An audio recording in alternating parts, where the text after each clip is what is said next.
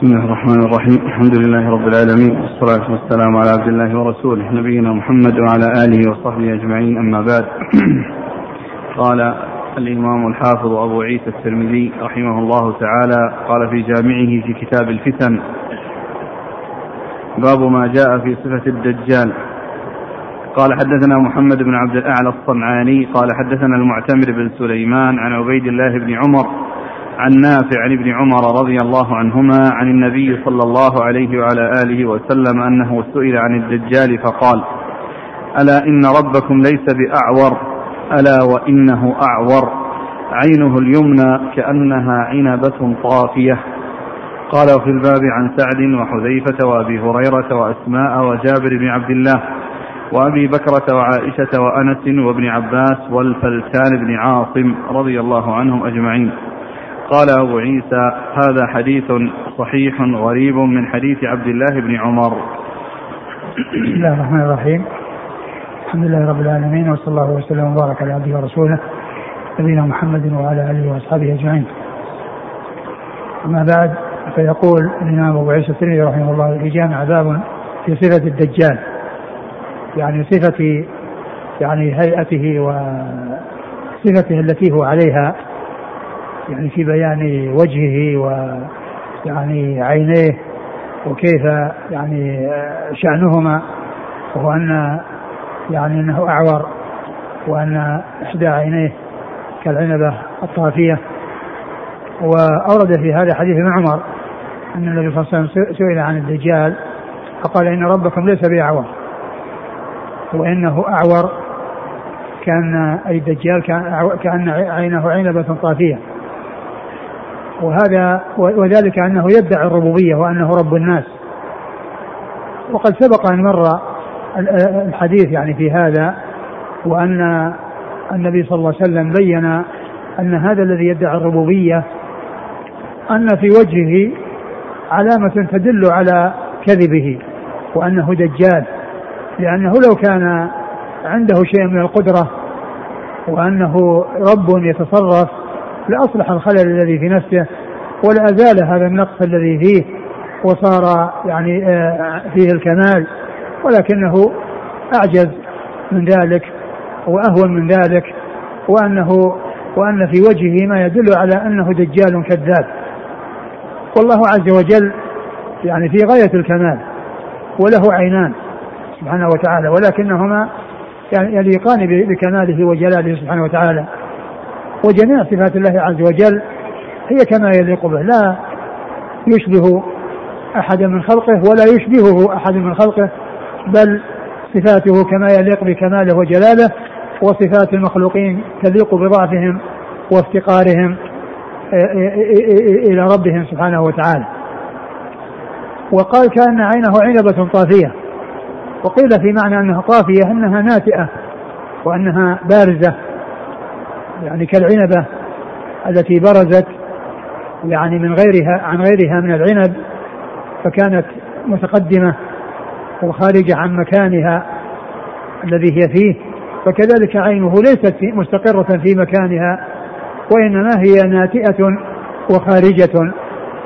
قيل هذا في تفسير يعني آه، آه، العنبة وأن هذا يعني أوضح يعني شيء يعني في كونه أعور كون عينه بارزة وظاهرة وناتئة وليس فيها ضوء وليس فيها نور يعني يدل على هذه الخلقة الناقصة. وكيف يكون؟ من هذا شأنه؟ يزعم أنه إله ويقول أنه رب العالمين.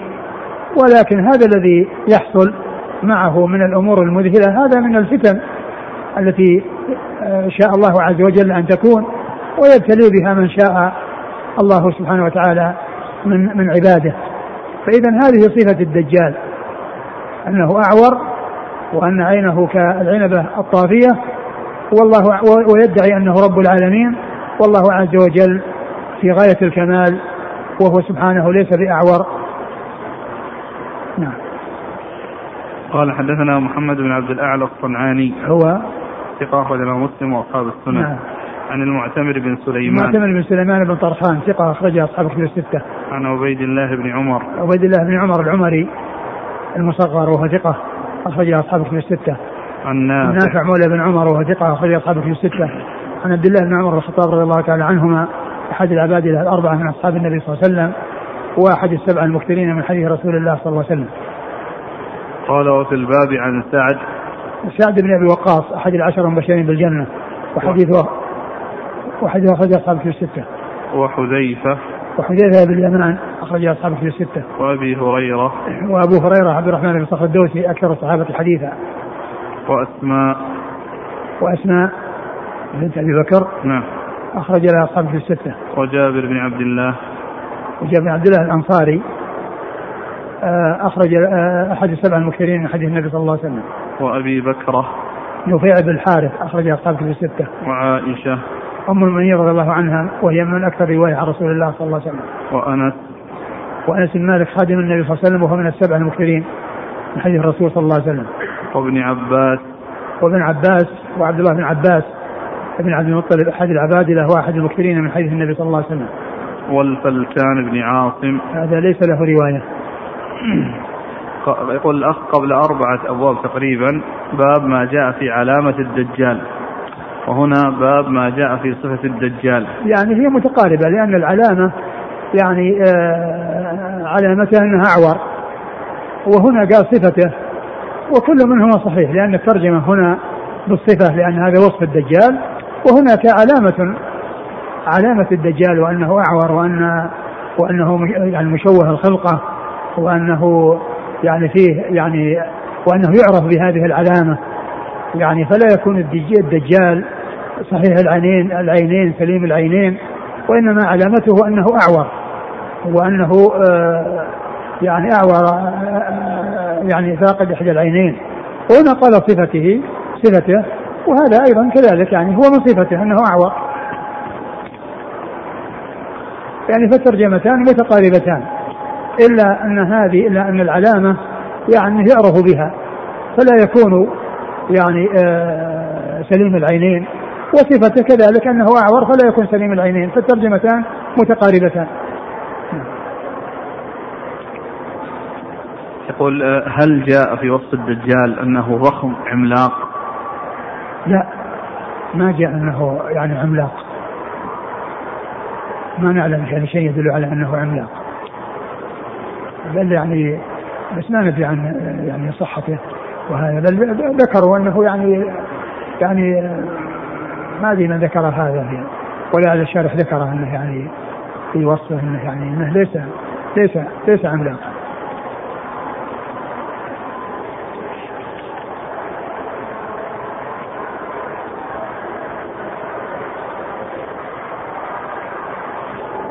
هنا أسماء يقول الشارع أسماء بنت يزيد بن السكن. اسماء بن يزيد. أخرج لها.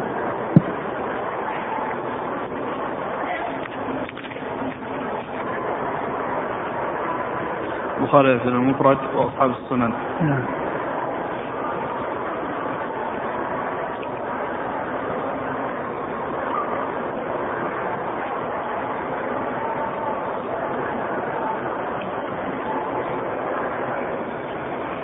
قال رحمه الله تعالى في الحديث الماضي حديث النواس بن سمعان الذي مر, مر بنا بالأمس يعني فيه آآ آآ يعني ذكر الشاب الذي يقتله الدجال إيش قال فيه؟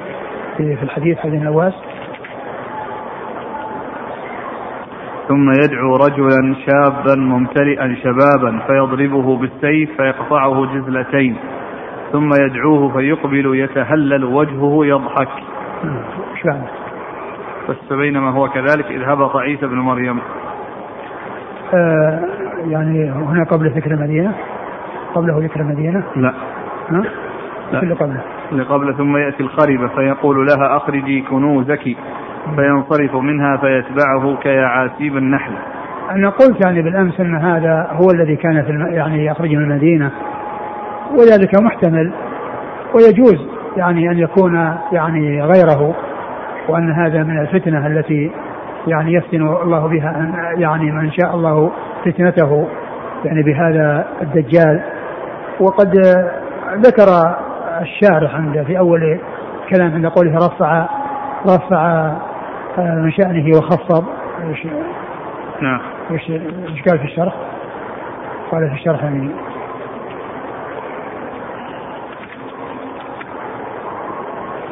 فخفض فيه ورفع بتشديد الفاء فيهما وفي معناه قولان. أحدهما إن خفض فيه بمعنى حقره وقوله رفعه أي عظمه وفخمه. فمن تحقيره وهو أنه على وهو أنه على الله تعالى عوده. وهو إيش؟ وهو يعني هكذا يقول أحدهما إن خفض فيه بمعنى حقره وقوله رفعه أي عظمه وفخمه. فمن تحقيره وهو أنه على الله تعالى عوده. عوده هكذا في النسخة. ما هو بعده ومنه قوله صلى الله عليه وسلم هو أهون على الله من ذلك وإنه لا يقدر على قتل أحد إلا ذلك الرجل ثم يعجز عنه. قوله؟ أنه لا يقدر على قتل أحد إلا ذلك الرجل. ثم يعجز عنه. ثم يعجز عنه. هذا هذا ورد في قصة الذي في المدينة الذي عند المدينة أنه كان يقتله ثم أنه يريد أن يقتله مرة ثانية فلا يستطيع. يعني فهذا الكلام يعني يعني يؤيد القول بأنه شخص واحد لأن في هذا الحديث والذي يعني هناك لأنه يعني أضاف إليه أو بينه هنا بقوله أنه يعني يريد أن يقتله مرة أخرى فلا يقتله. وهنا ما جاء ذكر أنه أراد أن يقتله مرة أخرى. وذلك جاء أنه يعني يريد أن يقتله فلا يستطيع. فيحتمل أن يكون يعني هو شخص واحد هنا يعني هنا في هذا وفي الحديث الذي يخرج من المدينة. ويحتمل أن يكون يعني شخص آخر وأن هذا من فتنته التي هو يعني كونه يأتي بأمور مذهلة وأنه يقتل ويعني ثم يعيد الإنسان إلى الحياة. يعني آه، ف وأنه بعد ذلك يريد أن يفعل مثل ما كان يفعل فلا يستطيع. نعم. وفي آخره أنه لا يدان لأحد بقتالهم لا يدان لأحد بقتالهم وكلمة يدان يعني هي مثنات. والمقصود أنه يعني آه آه المقصود النتيجة التي تترتب على اليدين وهي القدرة والقوة. يعني ومعلوم أن الأعمال تضاف إلى الأيدي لأنه هو الذي يحصل بها التصرف. وقد جاء في القرآن لهم أيدي يبطشون بها. يعني أن أن القوة يعني في المخلوقين أنها تكون يعني بفعل أيديهم وأنهم يبطشون بأيديهم. يعني فلا يدان لأحد بقتالهم. يعني أنه ليس هناك أحد يستطيع آه، يستعمل يديه بقتالهم وذلك بما ينتج عن اليدين من القوة ومن القدرة. فإن فإنهم يعني لا يستطيع أحد أن يفعل شيء في يديه يعني ما يقابلهم به بالقوة التي آه، تقضي عليهم. ولهذا عيسى بن مريم عليه السلام ومعه ذهبوا صعدوا إلى الجبل وصاروا فوق الجبل وسألوا الله أن يهلكهم وقد أهلكهم الله عز وجل ثم نزل. ف فذكر اليدين يعني لا يعني أن أن أن, أن المقصود قوة وأنها قوتان ولكن اليدين ينتج عنهما القوة. وينتج عنهما البطش. يعني لا يدان لأحد بقتالهم لا أحد, لا أحد يستطيع أن يستعمل يديه. يعني آه ويظهر قوة وبطشا يعني بهاتين اليدين لهؤلاء ال ال الذين هم يأجوج ومأجوج. وأما يعني ما جاء في القرآن في ذكر آه، آه، اليدين لله عز وجل ما منعك أن تسجد لما خلقت بيدي يعني فهما يدان حقيقية حقيقتان حقيقيتان. و ولا يصلح أن يقال يعني قوتين خلقت بيدي بقوتي. إذا كان المقصود على قولهم أن اليد المقصود بها القوة. فالتثنية لا تصلح. خلقت بيدي. ثم أيضا آدم الله عز وجل خلقه بيده. فكيف يعني آه، يتميز آدم بخلق اليد؟ وغيره كل خلق بقدرة الله عز وجل. خلق بقدرة الله عز وجل. فإذا ليس الفرق بين آدم وبين خلق غيره؟ لو كان المقصود هو مجرد القدرة. ولكن المقصود اليدان الحقيقيتان اللتان خلق الله تعالى بها بهما آدم وقال ما منعك أن تسجد لما خلقت بيدي؟ وإذا فقوله يدان هذا لا يعني أنها قوتان وإنما المقصود من ذلك أن لا أنه ليس هناك أحد يستعمل يديه في البطش بهم و يعني وإهلاكهم واستئصالهم وإنما يصعدون عيسى ومن معه يصعدون إلى الطور إلى الجبل ويسأل الله عز وجل أن يخلصهم منهم فيأتيهم ذلك النغف الذي في رقابهم فيهلكون هلاك نفس واحدة. ثم ذكر بقية الحديث. نعم. ذكر الرجل نعم. نعم. الايد هذه ليس المقصود بها جمع يد وإنما المقصود بها مصدر الذي هو القوة. يعني بنينا هذه ايد يعني بقوة ولكن ليس المقصود بها ذكر اليدين لأن الايد تأتي مع القوة. الايد ما هو اليد؟ وكذلك ذا الايد يعني ذا القوه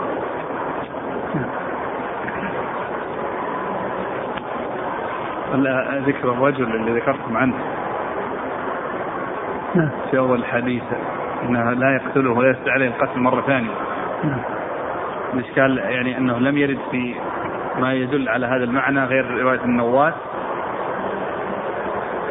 لا هو الحديث الآخر الذي في المدينة هو الذي فيه أنه يخرج يعني رجل يعني شاب فيقتله الدجال ويعني يقول إن ما يعني إلا ثباتا ويقينا بما قاله الرسول صلى الله عليه وسلم وأنه يريد أن يقتل مرة ثانية فلا يستطيع. هذا جاء تفصيل في الذي خرج المدينة واما هنا ما في تفصيل اللي جاء في حديث النواس هنا. ليس في تفصيل بس أنه قتله ورجعه وجاء يضحك.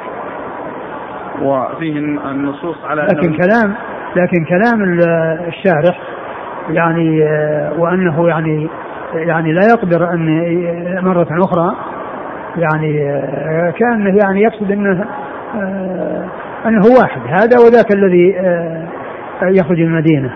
لأن اللي يخرج من المدينة هو الذي جاء أنه لا يستطيع أن يقتله مرة أخرى.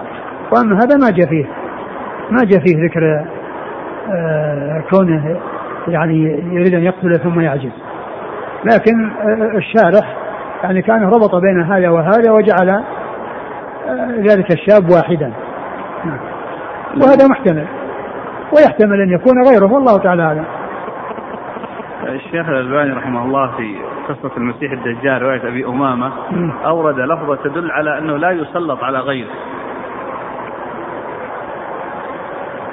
على غيره؟ أي ما في أحد يستطيع ما يستطيع الدجال اللي راح يقتل أحد غير هذا الشاب اللي حصل له القصة. على كل هو إذا كان شخصا واحدا يمكن بعده لا يسلط عليه يعني إذا كان شخص شخص واحد. وإن كان شخصين وأن هذا حصل من قبل وأن ذاك لا يسلط على أحد بعده يعني معنى ذلك أنه بعد الذي حصل في المدينة إن كان اثنين إن كان اثنين فيكون هذا متقدم وذاك متأخر ولا يسلط على أحد بعده. وإن كان شخصا واحدا فلا يعني معناه أن القتل حصل لواحد فقط ولا يسلط على أحد بعده. وإن كان اثنين فالأول حصل قبل الثاني الذي والمسألة محتملة والله أعلم.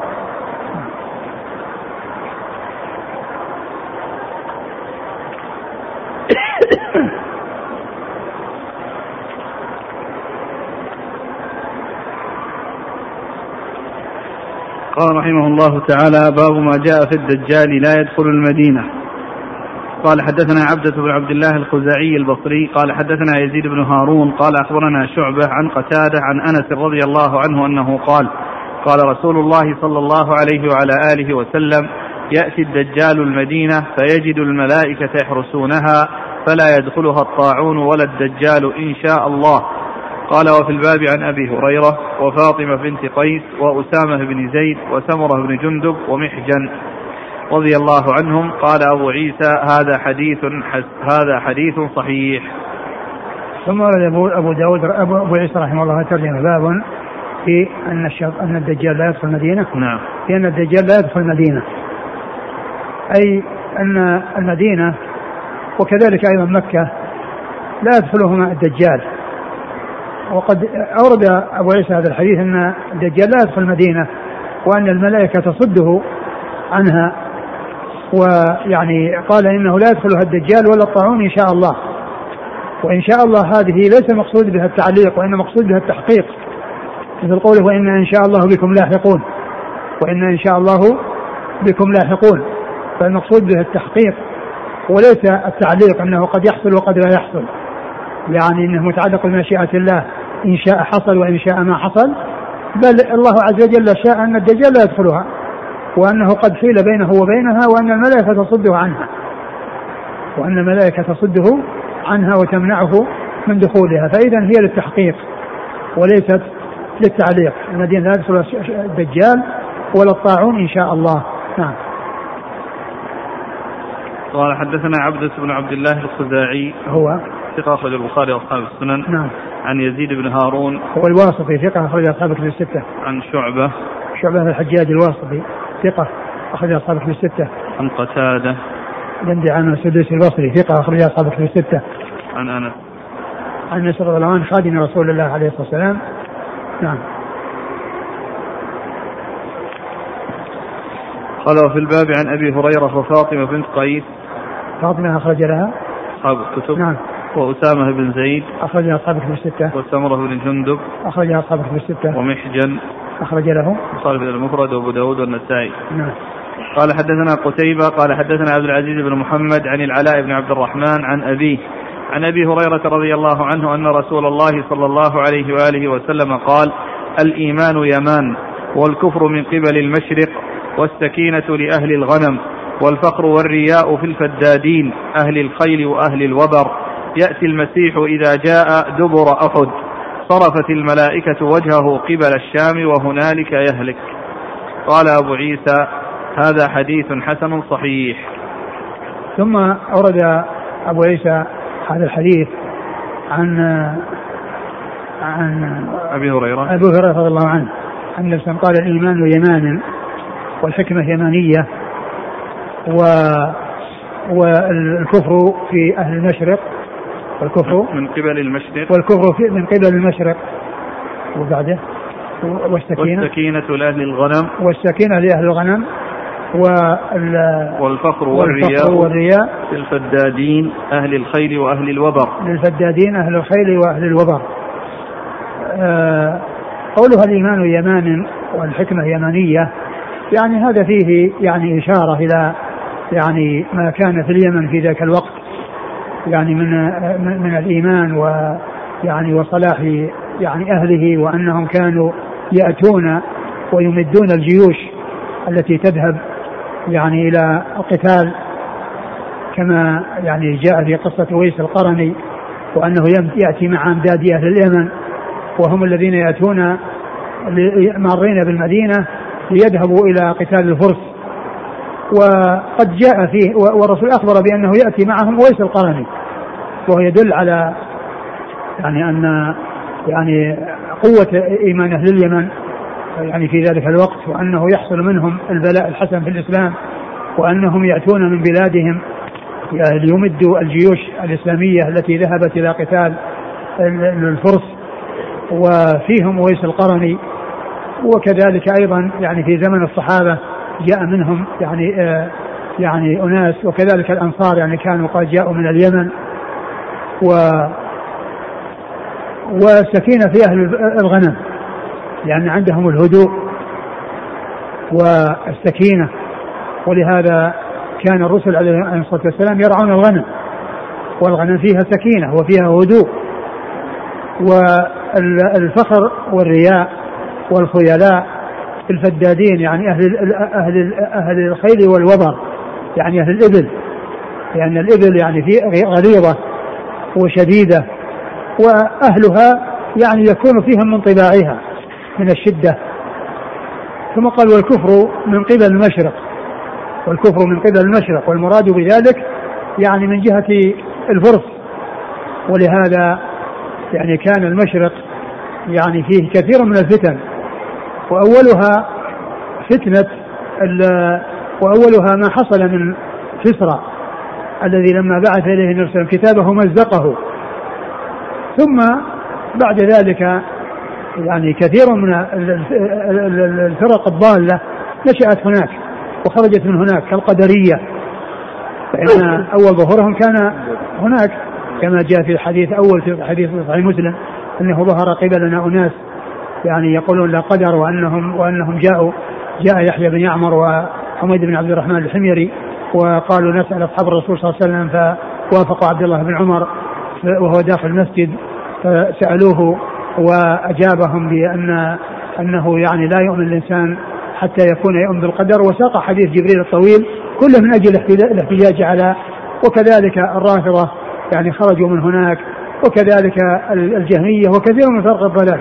وآخر شيء الدجال فإنه يخرج من هناك كما جاء في الحديث أنه يخرج من خراسان ويأتي من خلة بين الشام والعراق. يعني وأيضا شدة الكفر إنما هو يعني فيهم في المجوس الذين هم الفرس لأن يعني آه لأن شدة شدة الكفر ويعني والجفا والغلظة والقسوة يعني فيهم ولهذا مزق ملكهم كتاب النبي صلى الله عليه وسلم.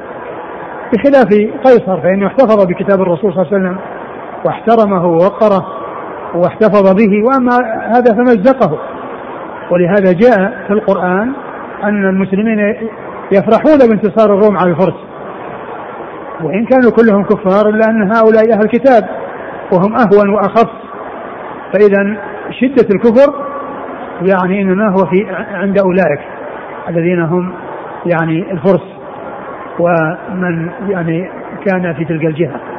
ولهذا قال الكفر في من قبل المشرق. نعم.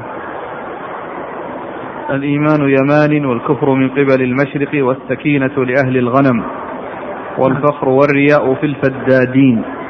نعم. أهل الخيل وأهل الوبر. يأتي المسيح إذا جاء دبر أحد. صرفت الملائكة وجهه قبل الشام. وهنالك أهلك. والمسيح يأتي من قبل المشرق. المسيح الدجال يأتي من قبل المشرق يأتي من خراسان. فهو يعني آه يعني آه يعني من أشد الكفرة ويدعي الربوبية والألوهية ويأتي إلى المدينة. فيعني ينزل خلف أحد وتصرفه الملائكة يعني إلى الشام. وهناك يهلك لأن عيسى عليه الصلاة والسلام ينزل ويأتي إلى بيت المقدس ويتبعه في باب لد ويقتله كما جاءت بذلك الأحاديث عن رسول الله صلى الله عليه وسلم. وإذا هو يذهب من المدينة إلى الشام. تصرفه الملائكة وعن دخولها فيذهب إلى الشام وبها يهلك على يدي عيسى بن مريم حيث يتولى مسيح الهداية عيسى بن مريم قتل مسيح الضلالة. نعم. قال حدثنا قتيبة قتيبة بن سعيد ثقة أخرج أصحاب في الستة. عن عبد الرزاق عن عبد العزيز بن محمد عبد العزيز محمد الدراوردي صدوق أخرج أصحاب في الستة. عن العلاء بن عبد الرحمن وهو صدوق أخرجه البخاري في جزء القراءة جزء القراءة ومسلم وأصحاب السنن. عن أبيه وأبوه ثقة أخرجه البخاري في جزء القراءة ومسلم وأصحاب السنن. عن أبي هريرة. عن أبي هريرة عبد الرحمن بن صف الدوسي رضي الله عنه. نعم. ذكر نزوله خلف أحد دليل على أن المراد بكلمة المدينة يعني الحرم أو كل ما يسمى عليه لا المدينة. المقصود بالمدينة الحرم. المقصود بالمدينة الحرم. ويعني أنه لا يدخل الحرم. ويعني لو امتدت المدينة إلى خلف أحد يعني يعني هو جاء أنه يكون خلف أحد. والمدينة تطلق على على كل يعني آه، البنيان إذا امتد واتصل فإنه يقال في المدينة. وأما إذا تفرق ما يقال إنه يعني من المدينة. لكن إذا امتد البنيان واتصل فإنه يعتبر يعني من المدينة. والمدينة كما هو معلوم إذا امتد البنيان وخرج يكون بعضها حرم وبعضها غير حرم نعم.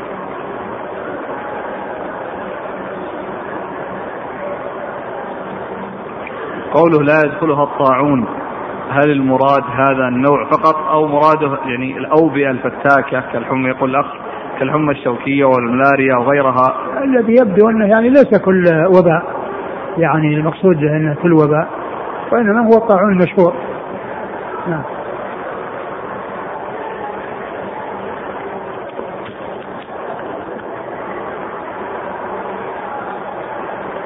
يقول ذكرتم أن الإيمان يمان في ذلك الوقت. هل هناك تقييد على ذلك الوقت أم أنه مطلق؟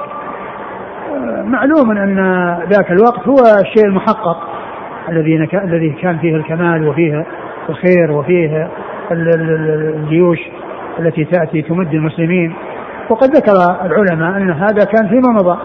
ويحتمل أن يكون يعني في المستقبل وأنه يعني المقصود به من يكون فيه خير على امتداد الزمان. ولكن العلماء ذكروا أن هذا كان في الوقت الذي كان فيه يعني آه، أولئك الذين نصروا الدين والذين جاءوا لنصرة الدين. والله تعالى أعلم. الشارح ذكر يعني ما أدري نقلا عن من هذا وقال أن هذا كان في زمن الصحابة وأن هذا لا يكون فيما بعد لا يقال فيما بعد. شوف كلام الشارح إيش كان. في آخر كلام طويل.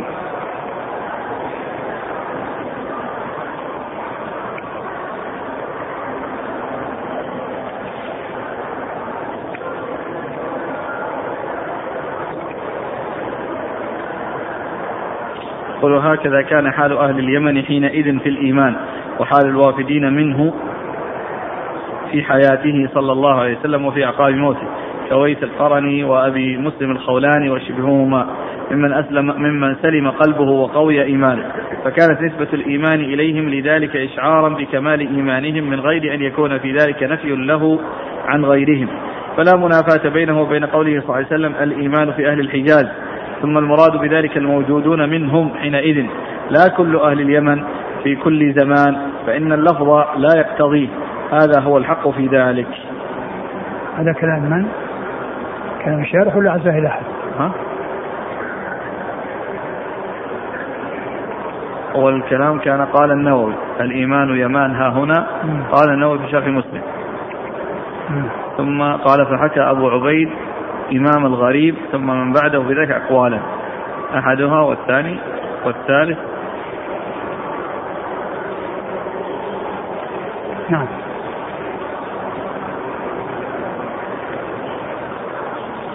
قال رحمه الله تعالى باب ما جاء في قتل عيسى بن مريم الدجال.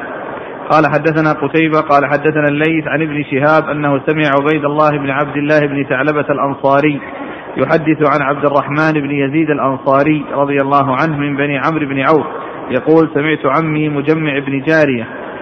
سمعت عمي مجمع بن جارية الأنصاري رضي الله عنه يقول سمعت رسول الله صلى الله عليه وعلى آله وسلم يقول يقتل ابن مريم الدجال بباب لد. قال وفي الباب عن عمران بن حسين ونافع بن عتبة وأبي برزة وحذيفة بن أسيد وأبي هريرة وكيسان. وعثمان بن أبي العاص وجابر وأبي أمامة وابن مسعود وعبد الله بن عمرو وسمره بن جندب والنواس بن سمعان وعمرو بن عوف وحذيفة بن اليمان رضي الله عنهم أجمعين. قال أبو عيسى هذا حديث حسن صحيح. ثم ورد أبو عيسى باب في قتل عيسى بن مريم الدجال. يعني ان أن مسيح الهداية هو الذي يتولى قتل مسيح الضلالة. وأنه يقتله بالمكان الذي الذي هو باب لد. ويعني قد أورد أبو عيسى حديث مجمع بن جارية أنه يقتله أن أن عيسى بن مريم يقتل الدجال يعني بباب لد. والإسناد يعني فيه رجل يعني قال الحافظ عنه أنه لا يعرف وهو بن ثعلبة ولكن الحديث له شواهد. أشار إليها المصنف ويعني كثير منها يعني في الصحيح. وقد ذكر خمسة عشر يعني آه، يعني من الصحابة الذين رووا يعني هذا الحديث الذي يتعلق بقتله في باب لد. فبعدما ذكر حديث مجمع قالوا في الباب عن فلان وعد خمسة عشر. فإذا فهذا الضعف الذي في هذا الرجل المجهول أو الذي لا يعرف يعني معناه أنه له شواهد كثيرة وهو ثابت في الصحيح. نعم. قال حدثنا قتيبة عن الليث الليث بن سعد ثقة أخرج أصحابه في الستة. عن ابن شهاب محمد بن مسلم عبيد الله بن شهاب ثقة أخرج أصحابه في الستة. عن عبيد الله بن عبد الله بن ثعلبة وهو لا يعرف أخرج له الترمذي. عن عبد الرحمن بن يزيد الأنصاري وهو ولد في حياة النبي صلى الله عليه وسلم أخرج البخاري وأصحاب السنن. نعم. عن عمه مجمع بن جارية. رضي الله عنه أخرج له. أبو داود والترمذي وابن ماجه. نعم. وفي الباب عن عمران بن حصين. أبو نجيد أخرجه أصحاب في الستة. ونافع بن عتبة. هو. أخرج له مسلم. نعم. وابن ماجه. نعم. وأبي برزة. أبو برزة الأسلمي أخرجه أصحاب في الستة. وحذيفة بن أسيد. أخرج له. مسلم وأصحاب السنن. نعم. وأبي هريرة وكيسان كيسان. أخرجه ابن ماجه. نعم. وعثمان بن أبي العاص. أخرجه أخرج له. مسلم وأصحاب السنن نعم. وجابر وأبي أمامة. أبو أمامة صدي بن عجلان الباهلي أخرجه أصحاب في الستة. وابن مسعود. أخرج أصحاب كتب الستة. وعبد الله بن عمرو. أخرج أصحاب كتب الستة. وسمرة بن جندب. أخرج أصحاب كتب الستة. نعم. والنواس بن سمعان. أخرج أصحاب كتب الستة. وخالف المفرد ومسلم وأصحاب السنن.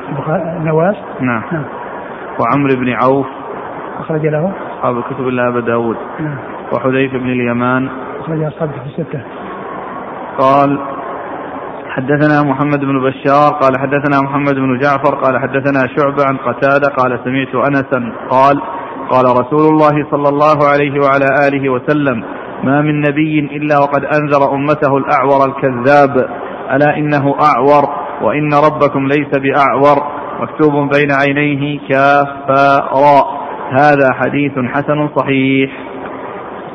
ثم ورد أبو عيسى هذا الحديث الذي يعني هو مثل حديث تقدم الذي فيه أن الله يعني ليس بأعور وأن دجال أعور وأنه مكتوب عليه أنه كافر قد تقدم. والحديث يعني ليس فيه يعني شيء يتعلق ب يعني بقتله يعني بهذا اللفظ إلا إن كان يعني فيه يعني زيادة يعني في لفظ آخر. وإلا فإن قتل عيسى يعني ليس فيه شيء يدل عليه هذا اللفظ.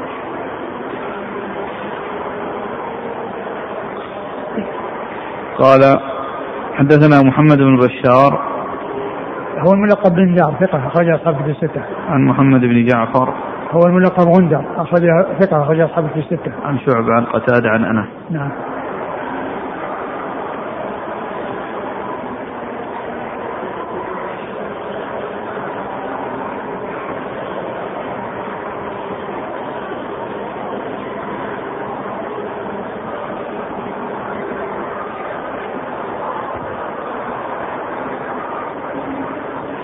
قال رحمه الله تعالى باب ما جاء في ذكر بن صائد.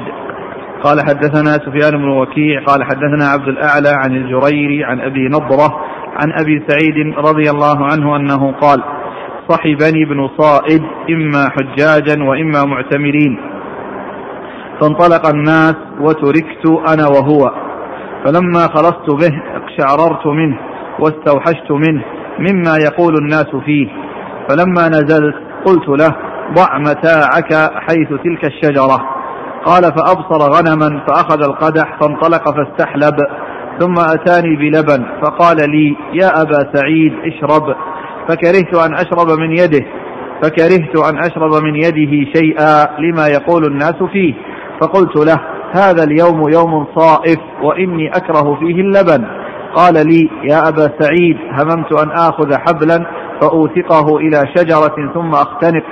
لما يقول الناس لي وفي. أرأيت من خفي عليه حديثي فلن يخفى عليكم. ألستم أعلم الناس بحديث رسول الله صلى الله عليه وسلم؟ يا معشر الأنصار ألم يقل رسول الله صلى الله عليه وسلم إنه كافر وأنا مسلم؟ ألم يقل رسول الله صلى الله عليه وسلم إنه عقيم؟ لا يولد, لا يولد له. وقد خلفت ولدي بالمدينة. ألم يقل رسول الله صلى الله عليه وسلم لا يدخل أو لا تحل له مكة والمدينة؟ ألست من أهل المدينة وهو ذا أنطلق معك إلى مكة؟ فوالله ما زال يجيء بهذا حتى قلت فلعله مكذوب عليه. ثم قال يا أبا سعيد والله لأخبرنك خبرا حقا. والله إني لا أعرفه وأعرف والده وأعرف أين هو الساعة من الأرض. فقلت تبا لك سائر اليوم. قال أبو عيسى هذا حديث حسن صحيح. ثم أورد أبو عيسى باب في ابن صائد وهو ابن صياد وهو رجل من اليهود آه يعني كان هو من الدجالين بلا شك ويحصل منه أمور يعني غريبة والرسول صلى الله عليه وسلم وأصحابه ما كانوا يعني يعرفون الحقيقة في الدجال هل هو هذا أو غيره.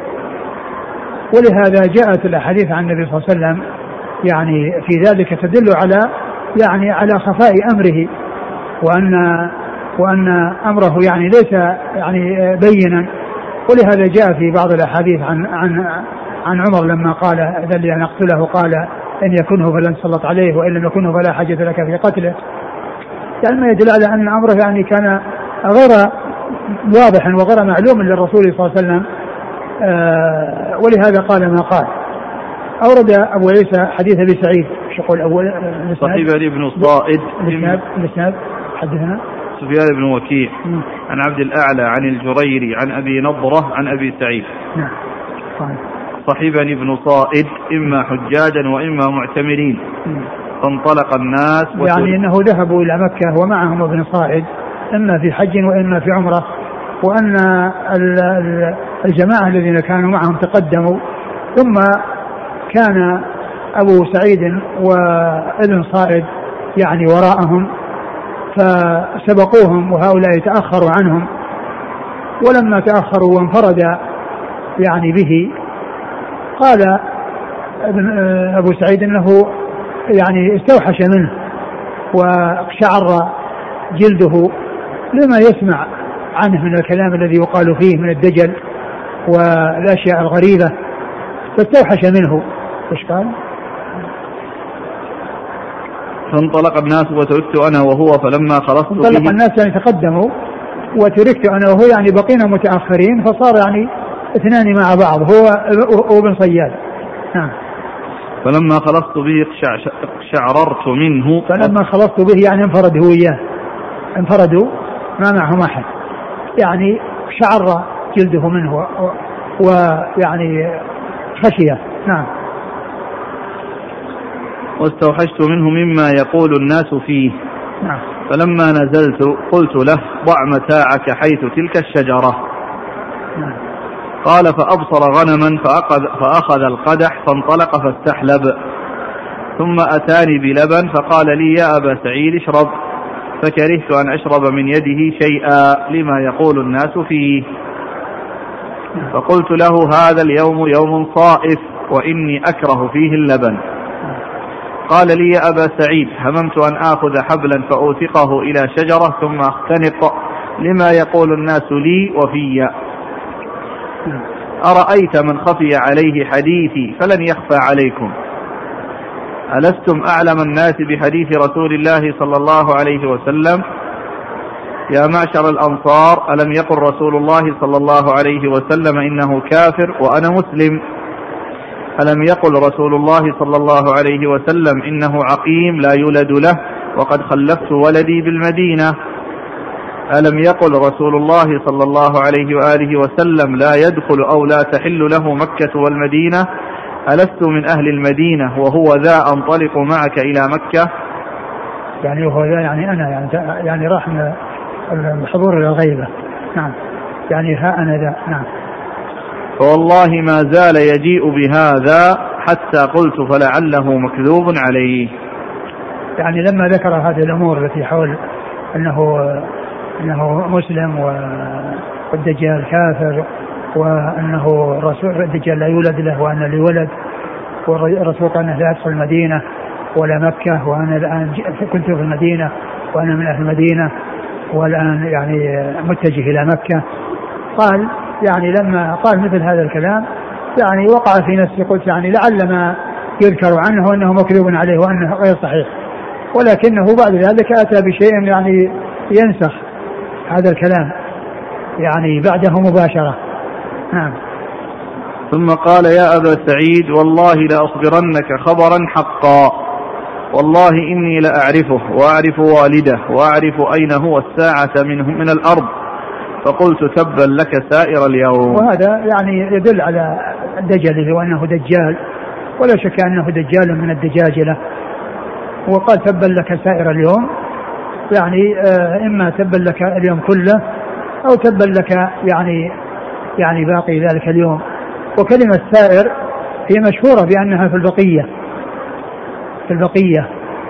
يعني و و يعني بعض العلماء وبعض أهل اللغة يعني ذكر أنها تأتي مع الجميع. والحافظ بن حجر في لسان الميزان لما ذكر ترجمة الجوهري صاحب الصحاح قال إنهم أنكروا عليه يعني قوله إن السائر بمعنى الجميع. أنكروا عليه. أنه ذكر السائر وأنها بمعنى الجميع لأنها إنما هي بمعنى البقية يعني مثل السؤر يعني في الباقي يعني مثل ما يقال يعني فلان وفلان وسائر الناس يعني البقية بعد هؤلاء الذين ذكروا.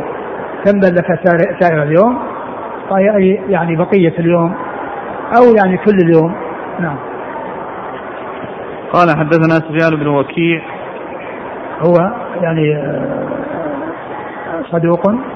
ابتلي بوراقه ابتلي بوراق وأدخل عليه ما ليس منه فانتصح ولم ينتصح فترك حديثه.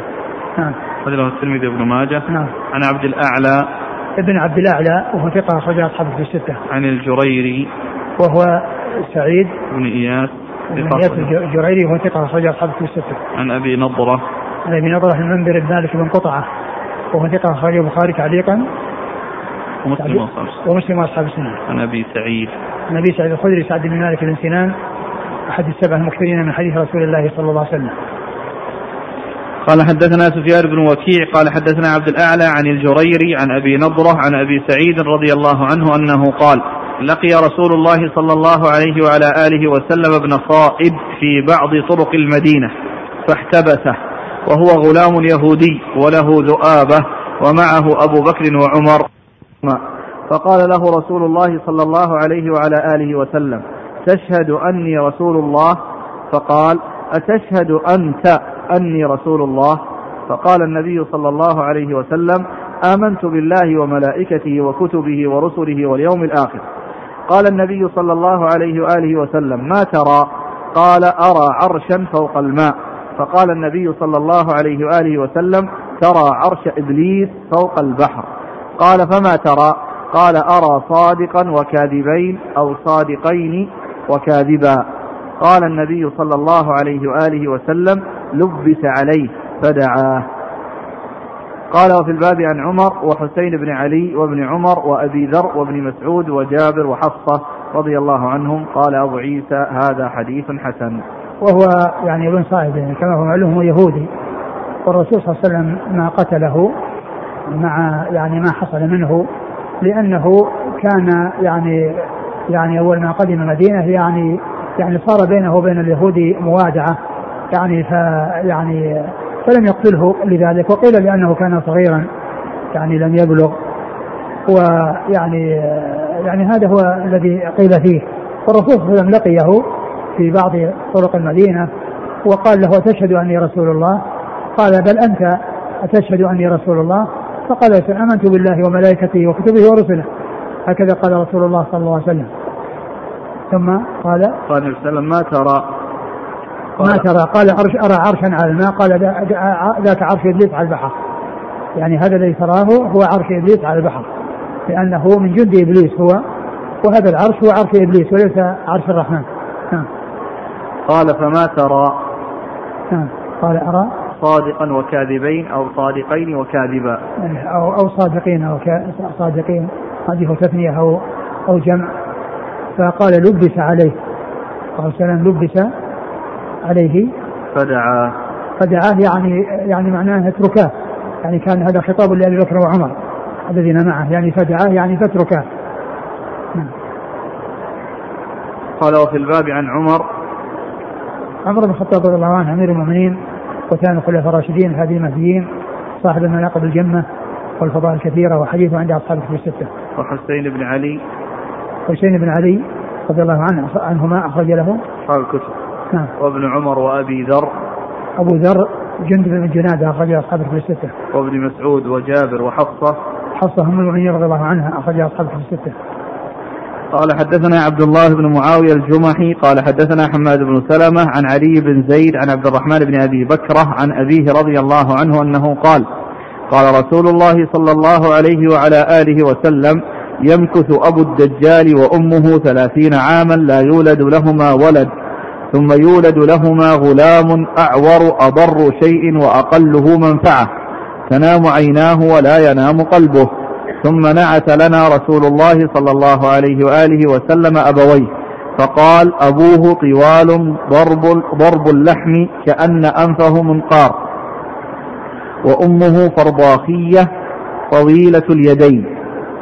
فقال أبو بكرة فسمعنا بمولود في اليهود بالمدينة فذهبت أنا والزبير بن العوام حتى دخلنا على أبويه فإذا نعت رسول الله صلى الله عليه وآله وسلم فيهما فقلنا هل لكما ولد؟ فقال مكثنا ثلاثين عاما لا يولد لنا ولد. ثم ولد لنا غلام أضر شيء وأقله منفعة. تنام عيناه ولا ينام قلبه. قال فخرجنا من عندهما فإذا هو منجدل في الشمس في قطيفة له وله همهمة. فتكشف عن رأسه فقال ما قلتما؟ قلنا وهل سمعت ما قلنا؟ قال نعم تنام عيناي ولا ينام قلبي. قال أبو عيسى هذا حديث حسن غريب لا نعرفه إلا من حديث حماد بن سلمة.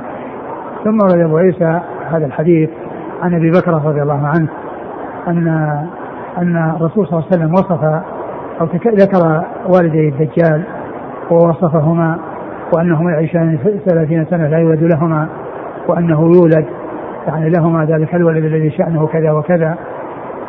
فيعني فقال أبو بكر أنه ولد يعني مولود من اليهود. فذهبنا إلى يعني أبويه ووجدنا نعت رسول الله صلى الله عليه وسلم الذي وصف فيه أباه وأن أنفه كالمنقار يعني أنه يعني مستطيل وله طرف يعني كالمنقار وأمه فرضاخية يعني أنها ضخمة وأنها طويلة اليدين و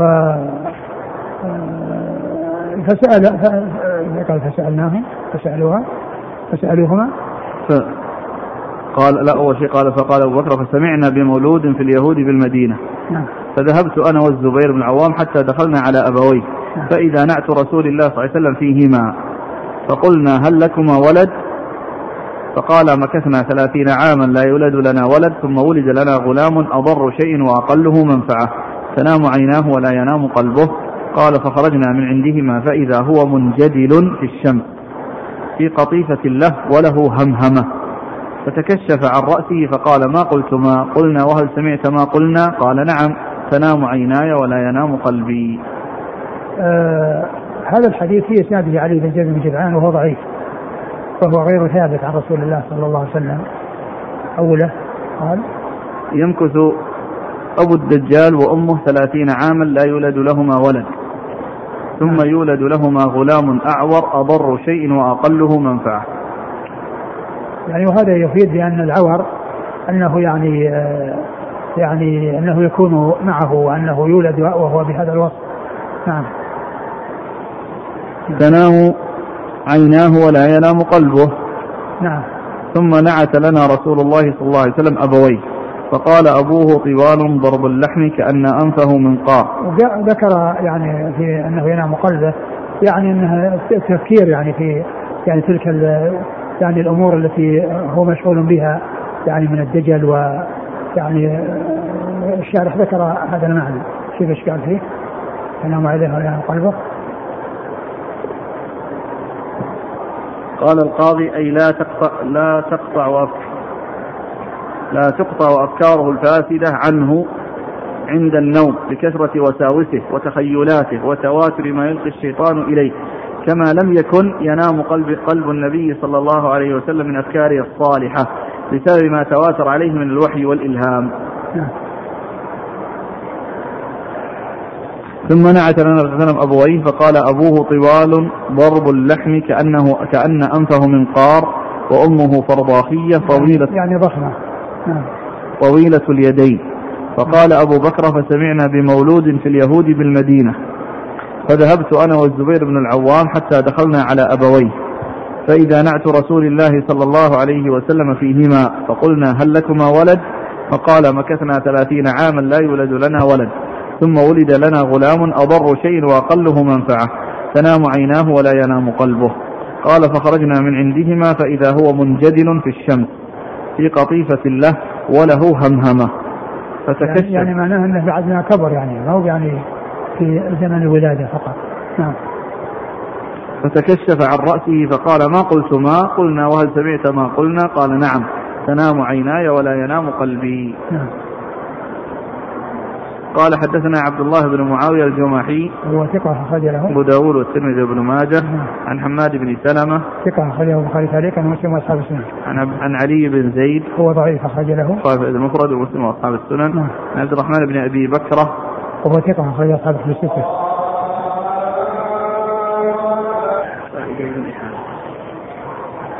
نعم. قال حدثنا عبد بن حميد قال أخبرنا عبد الرزاق قال أخبرنا معمر عن الزهري عن سالم عن ابن عمر رضي الله عنهما أن رسول الله صلى الله عليه وآله وسلم مر بابن صياد في نفر من أصحابه فيهم عمر بن الخطاب رضي الله عنه وهو يلعب مع الغلمان عند أطم عند أطم بني مغالة وهو غلام.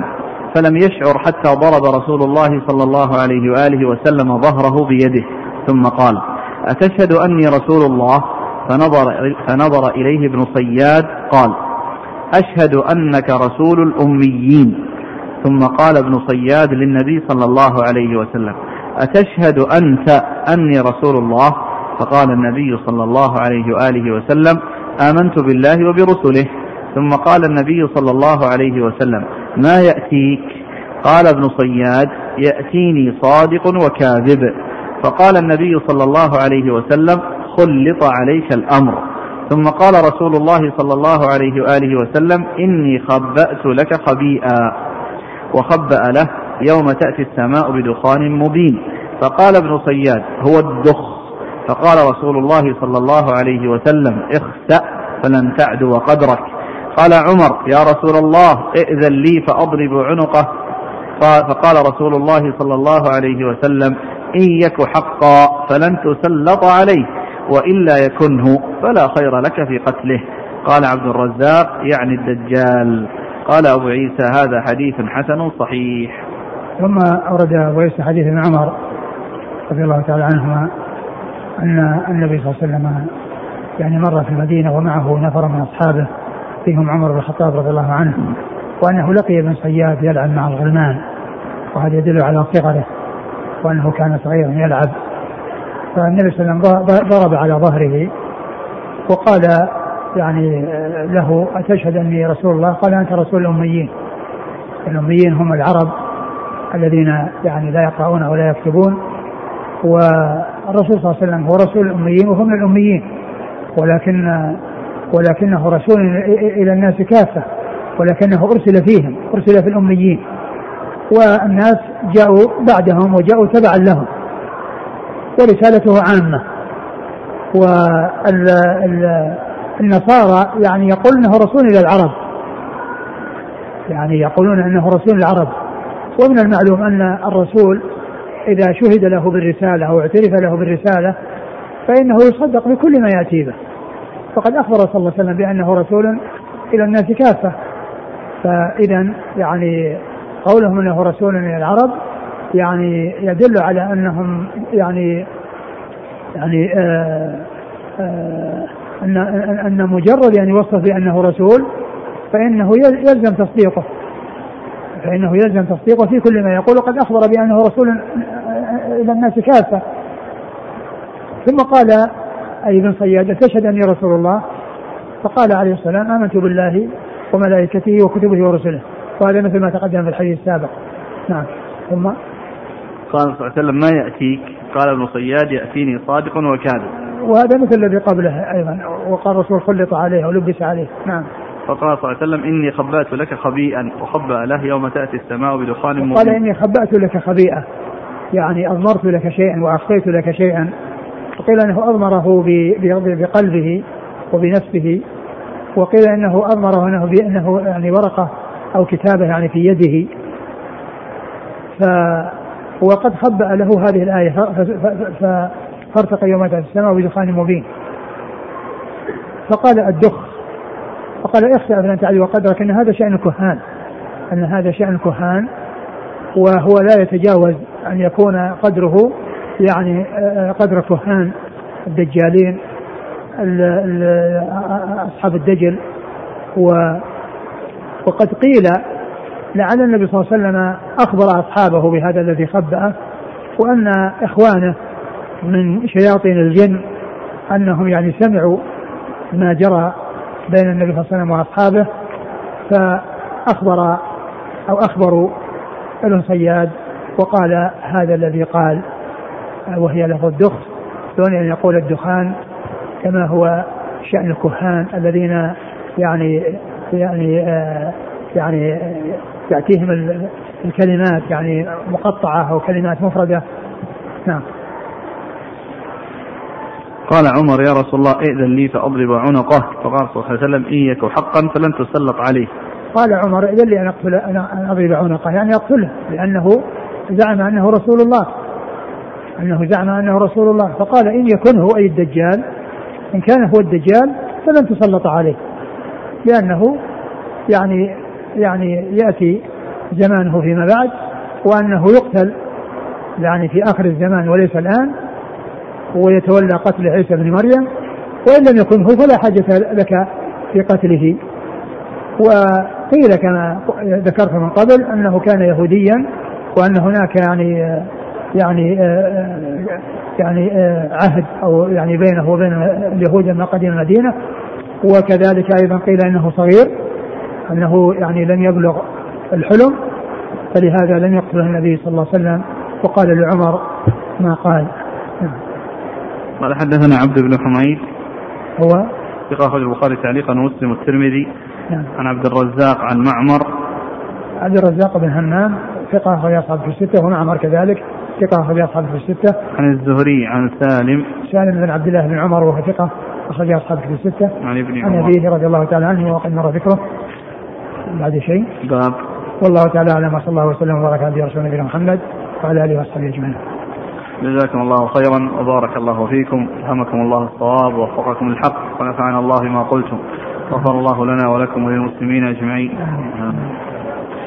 يقول قول ابن صياد أو ابن صائد أنا مسلم وكونه مع أبي سعيد حاج أو معتمر ألا يدل أنه كان مسلما؟